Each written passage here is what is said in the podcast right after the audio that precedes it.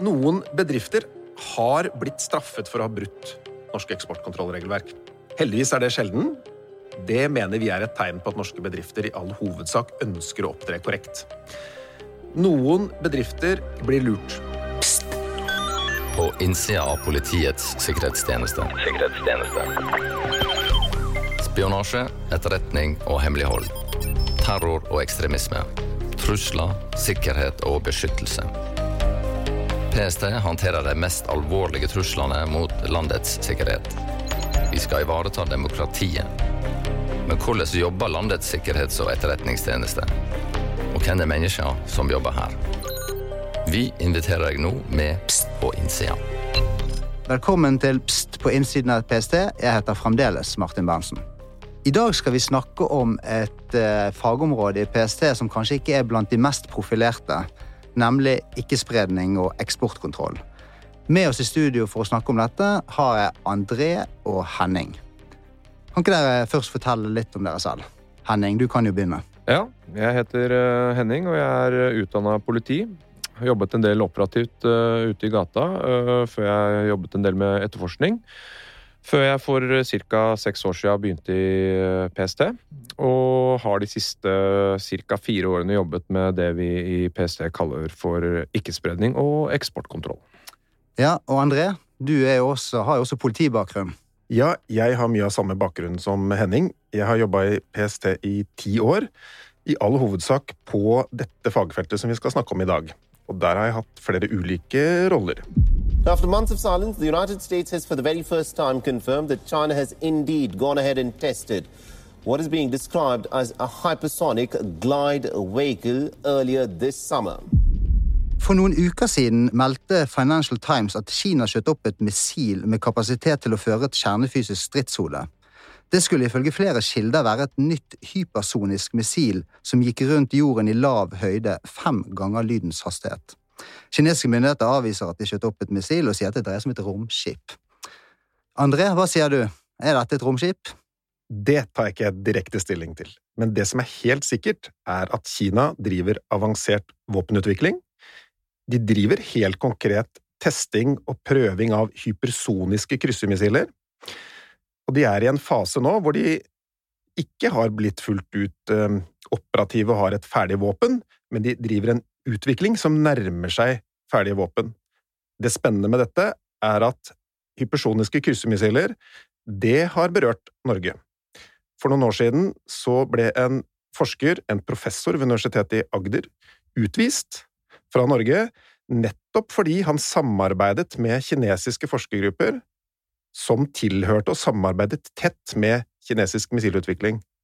Hans forskning gikk på styring og kontroll av hypersoniske fartøyer. Vi mener det er en direkte sammenheng mellom det teoretiske arbeidet som ble gjort på Universitetet i Agder for noen år siden, og den fasen som Kina er i dag, hvor de nå driver praktisk utprøving av framtidens våpensystemer. Det høres jo ganske utrolig ut at et eh, forholdsvis lite universitet på Sørlandet at det knyttes bånd kanskje til eh, verdens største land, eller et av verdens største land eh, og største økonomier, og kanskje de med størst kapasitet på det vi frykter mest innenfor flere, flere områder. Vi kaller jo dette fagområdet, i hvert fall internt i PST, for MØV. Kan du si litt hva MØV er, og kanskje kort si litt om regelverket som gir oss mandater til å jobbe med dette? Jeg kan prøve. Ja. Eh, norske bedrifter og virksomheter de tenker ofte at det de holder på med, eh, det er interessant bare for kundene. Det er for partnerne. Eh, de vet hva produktene brukes til, eh, og det er langt ifra masseødeleggelsesvåpen man tenker på man jobber i en norsk bedrift, en norsk virksomhet eller på et norsk universitet. Vi liker ofte heller å snakke om at teknologier kan være og er relevant for avansert våpenutvikling, eh, som er dekker eh, ganske bredt spekter. Men de aller mest alvorlige våpnene, de mest kritiske, er det vi kaller masseødeleggelsesvåpen. Mange, når du sier masseødeleggelsesvåpen, så tenker man jo på for eksempel Saddam Hussein. Ja. Ikke sant? Og det er også et interessant perspektiv for oss som en eh, etterretnings- og sikkerhetstjeneste. Forståelsen i dag er at en av de største etterretningsskandalene i moderne historie var nettopp eh, amerikanernes håndtering av spørsmålet om hvorvidt Saddam Hussein hadde masseødeleggelsesvåpen i forkant av invasjonen av Irak. For det var jo to invasjoner det er snakk om her. ikke sant? Hvis man husker tilbake, det var vel i 91 var den første. I 91 var den første, og det er lett å glemme at på det tidspunktet så hadde Saddam Hussein masseødeleggelsesvåpen. Nettopp. Og det tilbakeviste de ikke selv heller. Eh, De hadde hatt et atomvåpenprogram. Han brukte jo kjemiske våpen mot sin egen befolkning, mot kurderne i Nord-Irak, gjentatte ganger, og mot iranske soldater i krigen mot Iran. Irak hadde masseødeleggelsesvåpen tidligere. Eh, og det er flere land som har hatt det, og det er flere land som har det, Ja, og fortsatt driver utviklingen av det. Nettopp. Og vi nevnte eh, altså Irak på 90-tallet, men i, hvis vi spoler frem til i dag, i 2021 Hvilke land er det som er lengst fremme i pannebrasken for oss? Vår jobb er å forebygge trusler mot Norge og mot norske verdier og ulovlige aktiviteter som retter seg mot norske virksomheter. Det er det vi prioriterer høyest. Og da fokuserer vi på de landene som driver rett og slett svindel, bedrag, fordekt og skjult aktivitet. De som prøver å skaffe seg teknologi, og lykkes. Det er viktig å si. De lykkes også i å skaffe seg teknologi som de bruker til våpenutviklinga si. De landene vi ser som er mest aktive med denne fordekte og skjulte aktiviteten, altså de som lurer norske virksomheter, det er Pakistan, det er Iran, Syria er fremdeles aktive og søker teknologi fra Norge og Vesten. Kina gjør også dette, selv om de har mye ressurser selv, så trenger de vestlig teknologi, både for egen våpenutvikling eh, og for å bidra i andre lands kritiske våpenutvikling. Russland driver også fordekte og skjulte anskaffelser, som vi kaller det, rettet mot norske virksomheter, institusjoner og universiteter.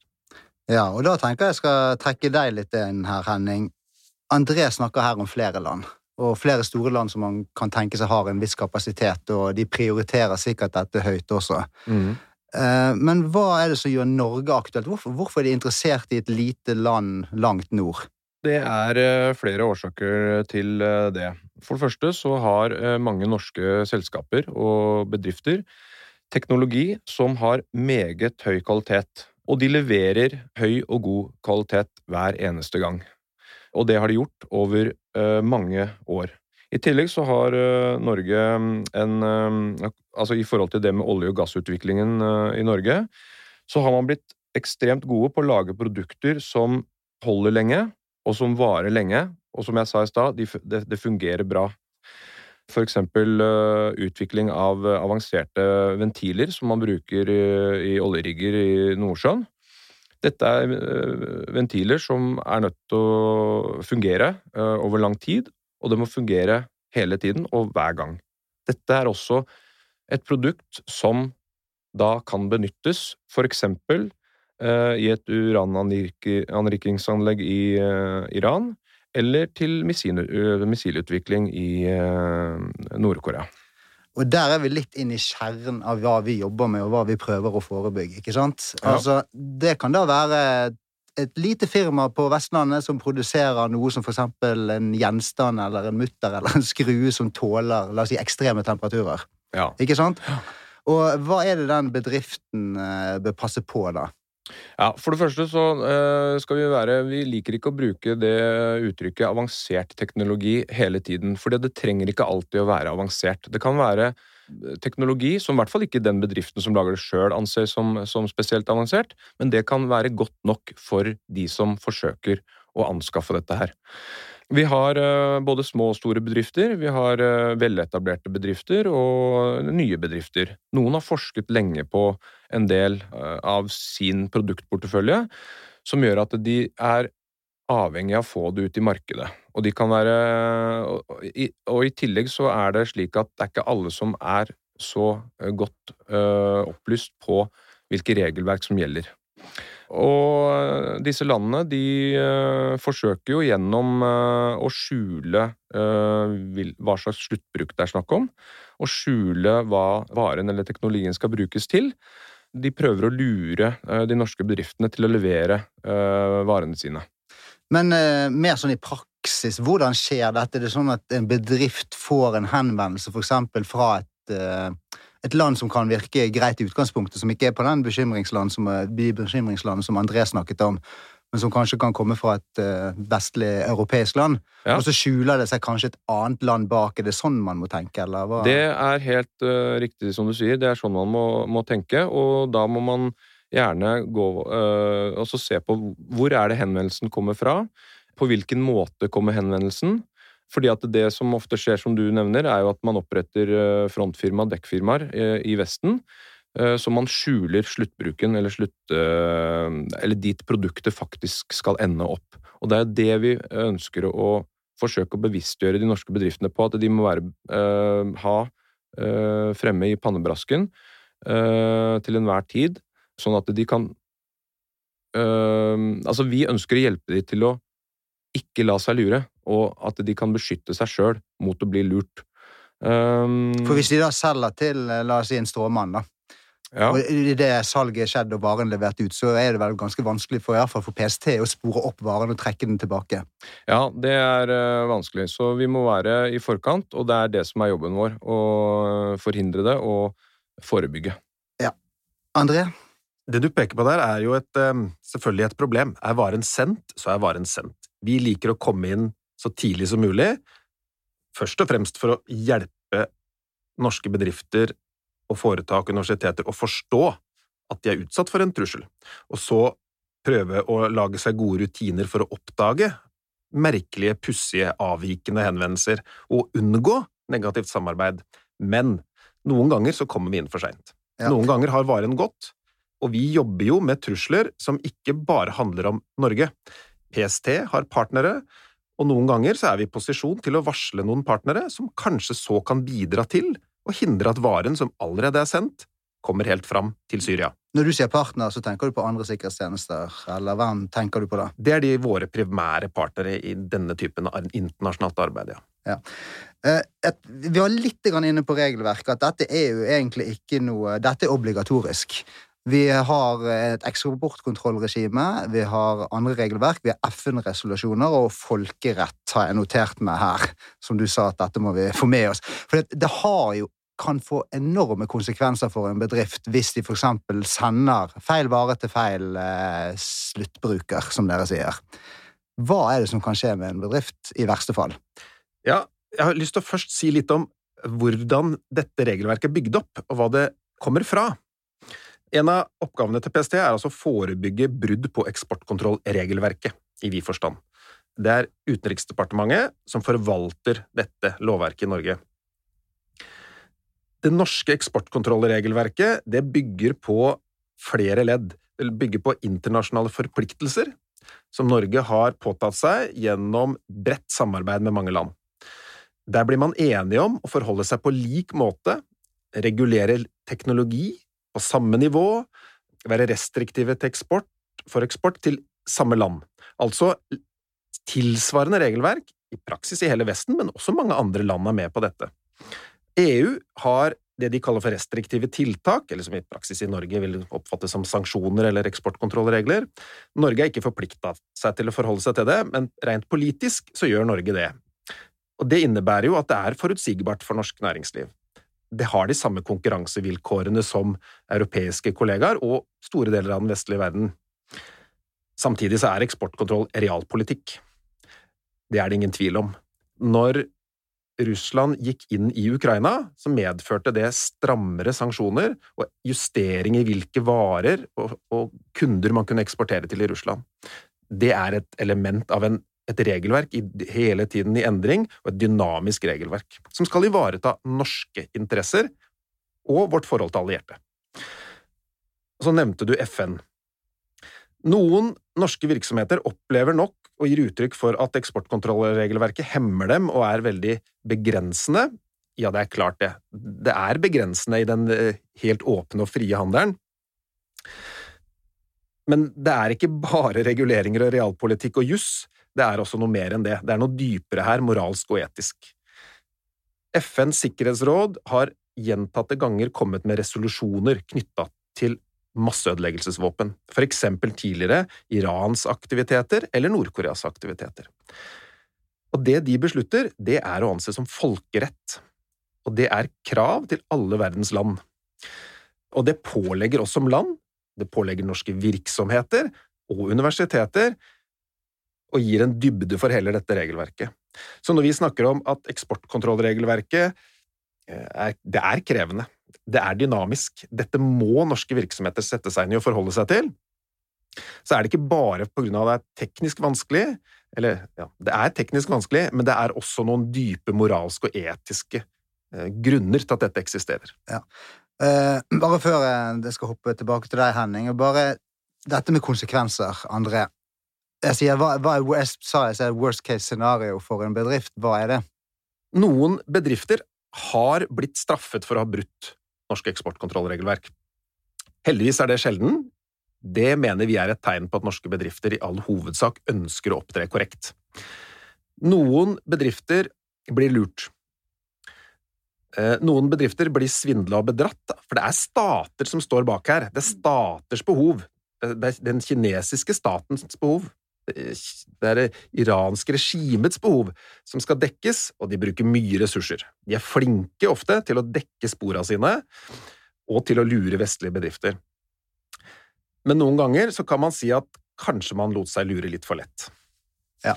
Og det kan det hende at en norsk virksomhet lar seg lure, sender varene sine ut i verden, og de ender opp i Iran eller Syria. Og så har de en partner i USA eller i Tyskland som sier at dere har nå begått en tabbe, dere har gjort en feil, dette burde ikke skjedd. Dere har latt dere lure for lett, vi vil ikke assosieres med dette. Det er også en del av virkeligheten her. Mm. Og det kan jo få rene økonomiske konsekvenser for bedriftene, at de kanskje ikke kan selge, eller de vil ikke, store land vil ikke samarbeide med dem. Men tilbake til deg, Henning. Eh, når du er ute hos bedrifter og forteller om dette, det er jo litt sånn tung materie. Hva, hva, hva er det liksom hvordan reagerer Hva er den typiske reaksjonen når PST kommer og ber om et møte? Nei, altså uh, Først og fremst så, så vil jeg uh, si det at uh, vi, vi, har jo drevet med dette her over lang tid. Vi har holdt på i mange, mange år. Vi har besøkt flere hundre bedrifter i løpet av de mange, mange år. Vi har snakket med flere tusen mennesker. Og noen er godt vant med at de er nødt til å ta en prat med PST eh, innimellom, mens for noen bedrifter så er dette helt nytt. Eh, og eh, måten vi gjør dette på, det er at vi har noe vi kaller for aktivitet prevent. Det er PSTs utadrettede virksomhet mot norske bedrifter og selskaper. Og som jeg tidligere har nevnt, så er målet med denne aktiviteten det er å hjelpe og beskytte norske bedrifter og selskaper fra å bli lurt av aktører i markedet, gjerne som kan operere på vegne av en stat, eller at de bryter eh, norsk eksportkontrollov, som vi har vært inne på. Måten vi gjør dette på, er at vi enten eh, tar kontakt sjøl fordi at vi får Eller vi, oppdager selv ved eh, søk på åpne kilder, eller at vi får informasjon om at denne bedriften produserer eh, varer som kan være aktuelt for andre eh, å prøve å få tak i. Enkelte bedrifter er klar over at de har slike varer. Eh, andre bedrifter eh, ikke, eh, er, er seg ikke selv bevisst på akkurat dette her. Vil du si at det er en forskjell på små bedrifter og store bedrifter? Er det sånn at det er automatikk at store bedrifter har et bedre system, og at de mindre ikke har det, eller er det, Nei, er det en myte? Det er noen store bedrifter eh, som har vært i markedet over lang, lang tid, f.eks. Kongsberg Gruppen og Nammo og lignende, de eh, har jo eh, god erfaring med dette her. Men det gjelder også en del småbedrifter som produserer varer som er såpass nisjeprega, at de, de, kjenner til eksportkontrollregelverket. Men så har du en del andre som ikke er klar over det. Så det er litt sånn, det er, det er, det er ikke noe regel på det, egentlig. Nei.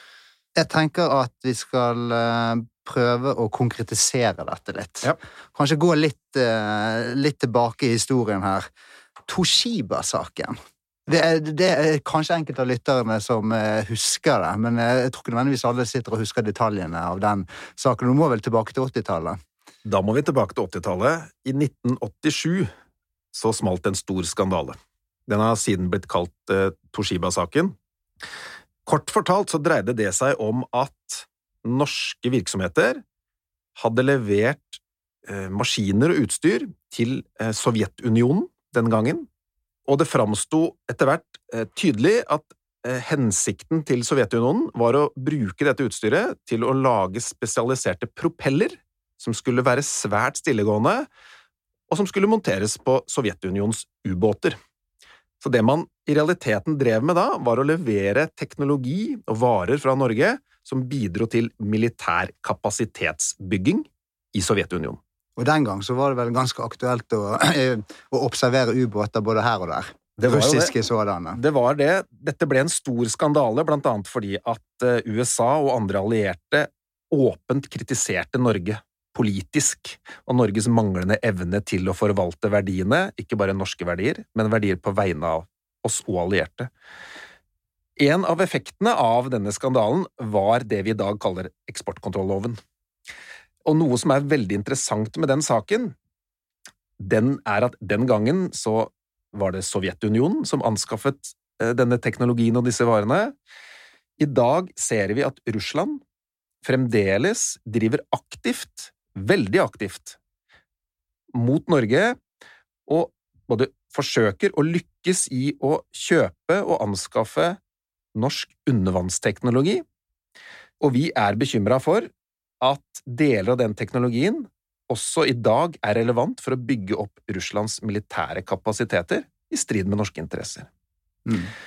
Det de gjør i dag, er å, i noen tilfeller, er å ha et åpent samarbeid med norske virksomheter.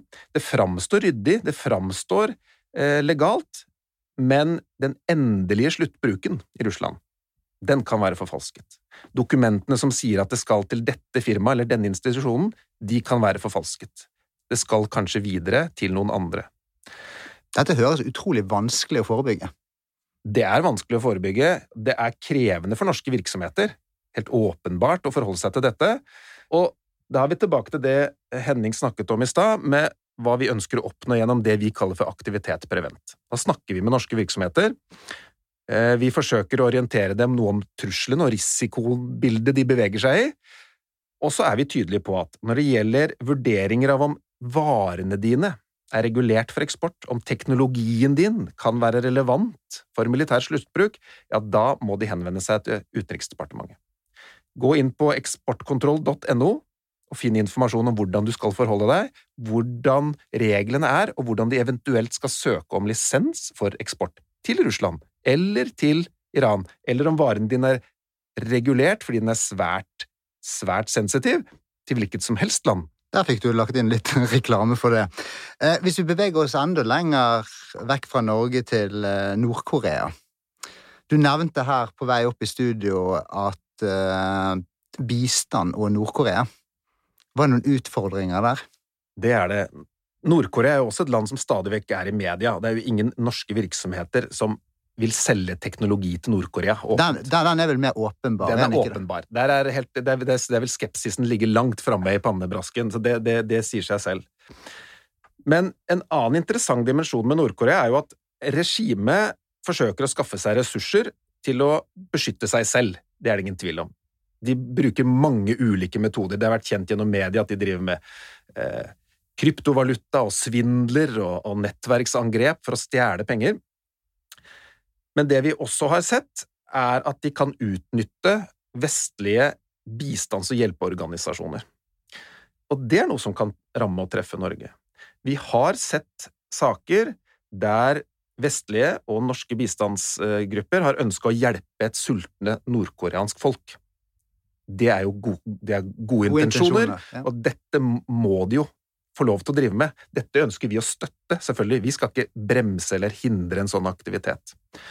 Men vi har spurt og vært i dialog med noen som har ønsket å drive med dette, og diskutert med dem hvordan kan dere gjøre dette for å øke sannsynligheten for at bistand kommer fram til de som trenger det.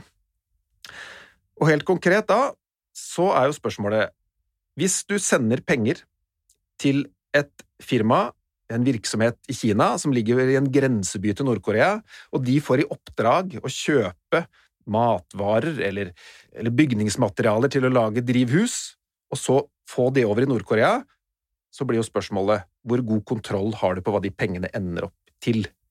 Vi peker på at det er ikke bare en hypotetisk risiko, men det er en betydelig reell risiko for at de pengene ikke ender opp i drivhus, eh, ikke ender opp med mat, men at de faktisk faller i hendene på det nordkoreanske regimet.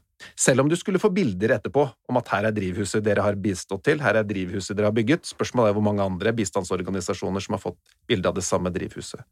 Men det fins jo løsninger. Hvis du vil være helt sikker på at bistanden kommer frem, så må du kanskje, som noen vestlige organisasjoner har gjort, kjøpe mursteinene selv. Putte dem inn i konteineren selv. Eh, sørge for at det blir frakta fram, og være der når det pakkes ut. Der, var, der kom svaret. Eh, hvis vi beveger oss helt opp til en eh, veldig aktuell sak om en, eh, et firma, fabrikk, utenfor Bergen som heter Bergen Engines.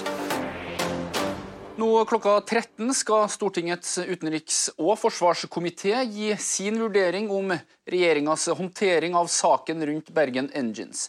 Motorfabrikken i Bergen holdt på å bli solgt til det russiske selskapet TMH International i vinter, men salget ble stoppa av Justisdepartementet i mars for å sikre at nasjonale sikkerhetsinteresser ikke blir trua. Bergen Engines produserer bl.a. motorer til norske og amerikanske militærfartøy.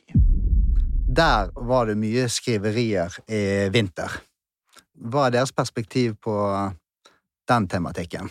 Det er jo godt kjent at PST hadde en rolle i å forsøke å framskaffe relevant informasjon for norske myndigheter i den saken. Regjeringen begrunnet jo sin avgjørelse om å ikke tillate salg av Bergen Engines til russiske selskaper, blant annet risikoen for at kan inn, motorene kan inngå i militær bruk og militær utvikling i Russland. Det som er interessant med den saken, er hele konteksten med oppkjøp av virksomheter. Vi har jo snakka her om landene som driver skjult og fordekt aktivitet, vi har snakka om eksportkontrollregelverket, og det vi har sett, gjennom en del år nå, er at når Norge og våre allierte og hele den vestlige verden har blitt mer og mer effektive i eksportkontrollen sin. De har blitt mer og mer effektive i å hindre og begrense disse landene i å kjøpe fysiske varer. Ja, da har vi sett at disse landene har endret seg, de har utviklet seg, for de har samme behov. En av løsningene og en av måtene du kan potensielt få tak i varer og teknologi på, hvis du ikke kan kjøpe det, ja, det kan jo være å kjøpe hele selskapet. Og på den måten få kontrollen på teknologien, og kanskje også styre markedsretningen. Eller du kan inngå en joint venture og investere i et norsk selskap, samarbeide om teknologiutvikling, om framtidens teknologi, og dermed få en viss grad av kontroll. Eller kanskje du putter så mye penger inn i et norsk selskap at du i realiteten har en liten lab på roret gjennom investeringene dine. Det vi kaller for økonomiske virkemidler. Det er ikke bare hypoteser. Vi ser og har sett i Vesten eh, helt konkrete saker hvor disse landene vi har nevnt flere ganger nå, nettopp bruker slike metoder for å få tak i teknologi de ellers blir hindra. Når det er sagt, så er det selvfølgelig også sånn at det meste av det som foregår, den store majoriteten av oppkjøp og salg og joint venture og samarbeid, er selvfølgelig helt legalt, helt lovlig og skal fortsette, og det skal vi støtte. Har dere noen råd å gi til bedrifter? Vi liker gjerne å si til norske bedrifter, virksomheter og universiteter kjenn dine egne varer, kjenn din egen teknologi. Vi forventer ikke at de skal forstå hva andre kan utnytte det til, men de kan lett søke informasjon via Utenriksdepartementet om hvilke varer som er regulert og ikke regulert for eksport. Og så sier vi at det viktigste for norske bedrifter, det er å kjenne ditt marked og kjenne dine kunder.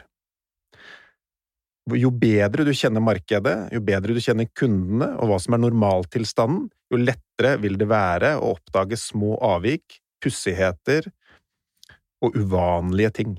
Det er de små indikasjonene som er avgjørende. Mange bedrifter eh, bruker det, disse systemene for å se etter kunder som kanskje kan true dem med kriminalitet eller svindel, men det kan også ligge en stat bak. Det kan være det som er årsaken til små avvik, små pussigheter. PST ønsker jo at terskelen for å kontakte oss, den skal være lav hos eh, norske bedrifter. Eh, vi ønsker å hjelpe de, og vi ønsker å veilede de eh, videre, som tidligere nevnt her i dag, til å eventuelt ta kontakt med UDs seksjon for eksportkontroll dersom de er i tvil om varene sine. Vi har jo ikke vært innom dette med blant flerbruk. Det er jo noe som Altså, vi har militære varer som er kun Eh, beregnet for militærbruk, og så har du flerbruksvarer, det vi kaller dual use. Det er i utgangspunktet sivile varer som kan benyttes til militære formål. Og der er det en del bedrifter som kanskje ikke er klar over at nettopp deres produkt eh, kan benyttes i en slik sammenheng. Og det er der vi kommer inn for å veilede de videre og uh, ha en god kommunikasjon med dem for at de kan beskytte seg selv. Jeg tror vi lar det være avsluttende ord. Og så er det flere ting her vi kunne snakket om, bl.a. akademia og fri forskning og dilemmaer knyttet til det. Jeg tror vi, vi går inn for landing, og så får vi jo håpe at uh, hvis det er noen bedrifter som uh, tviler kanskje på en handel eller er usikker på noe, at de i hvert fall kan kontakte PST eller Utenriksdepartementet. Tusen takk for at dere kom. Takk. Takk. Ser du noe, si noe. Men bruk sunn fornuft. Kontakt oss på pst.no.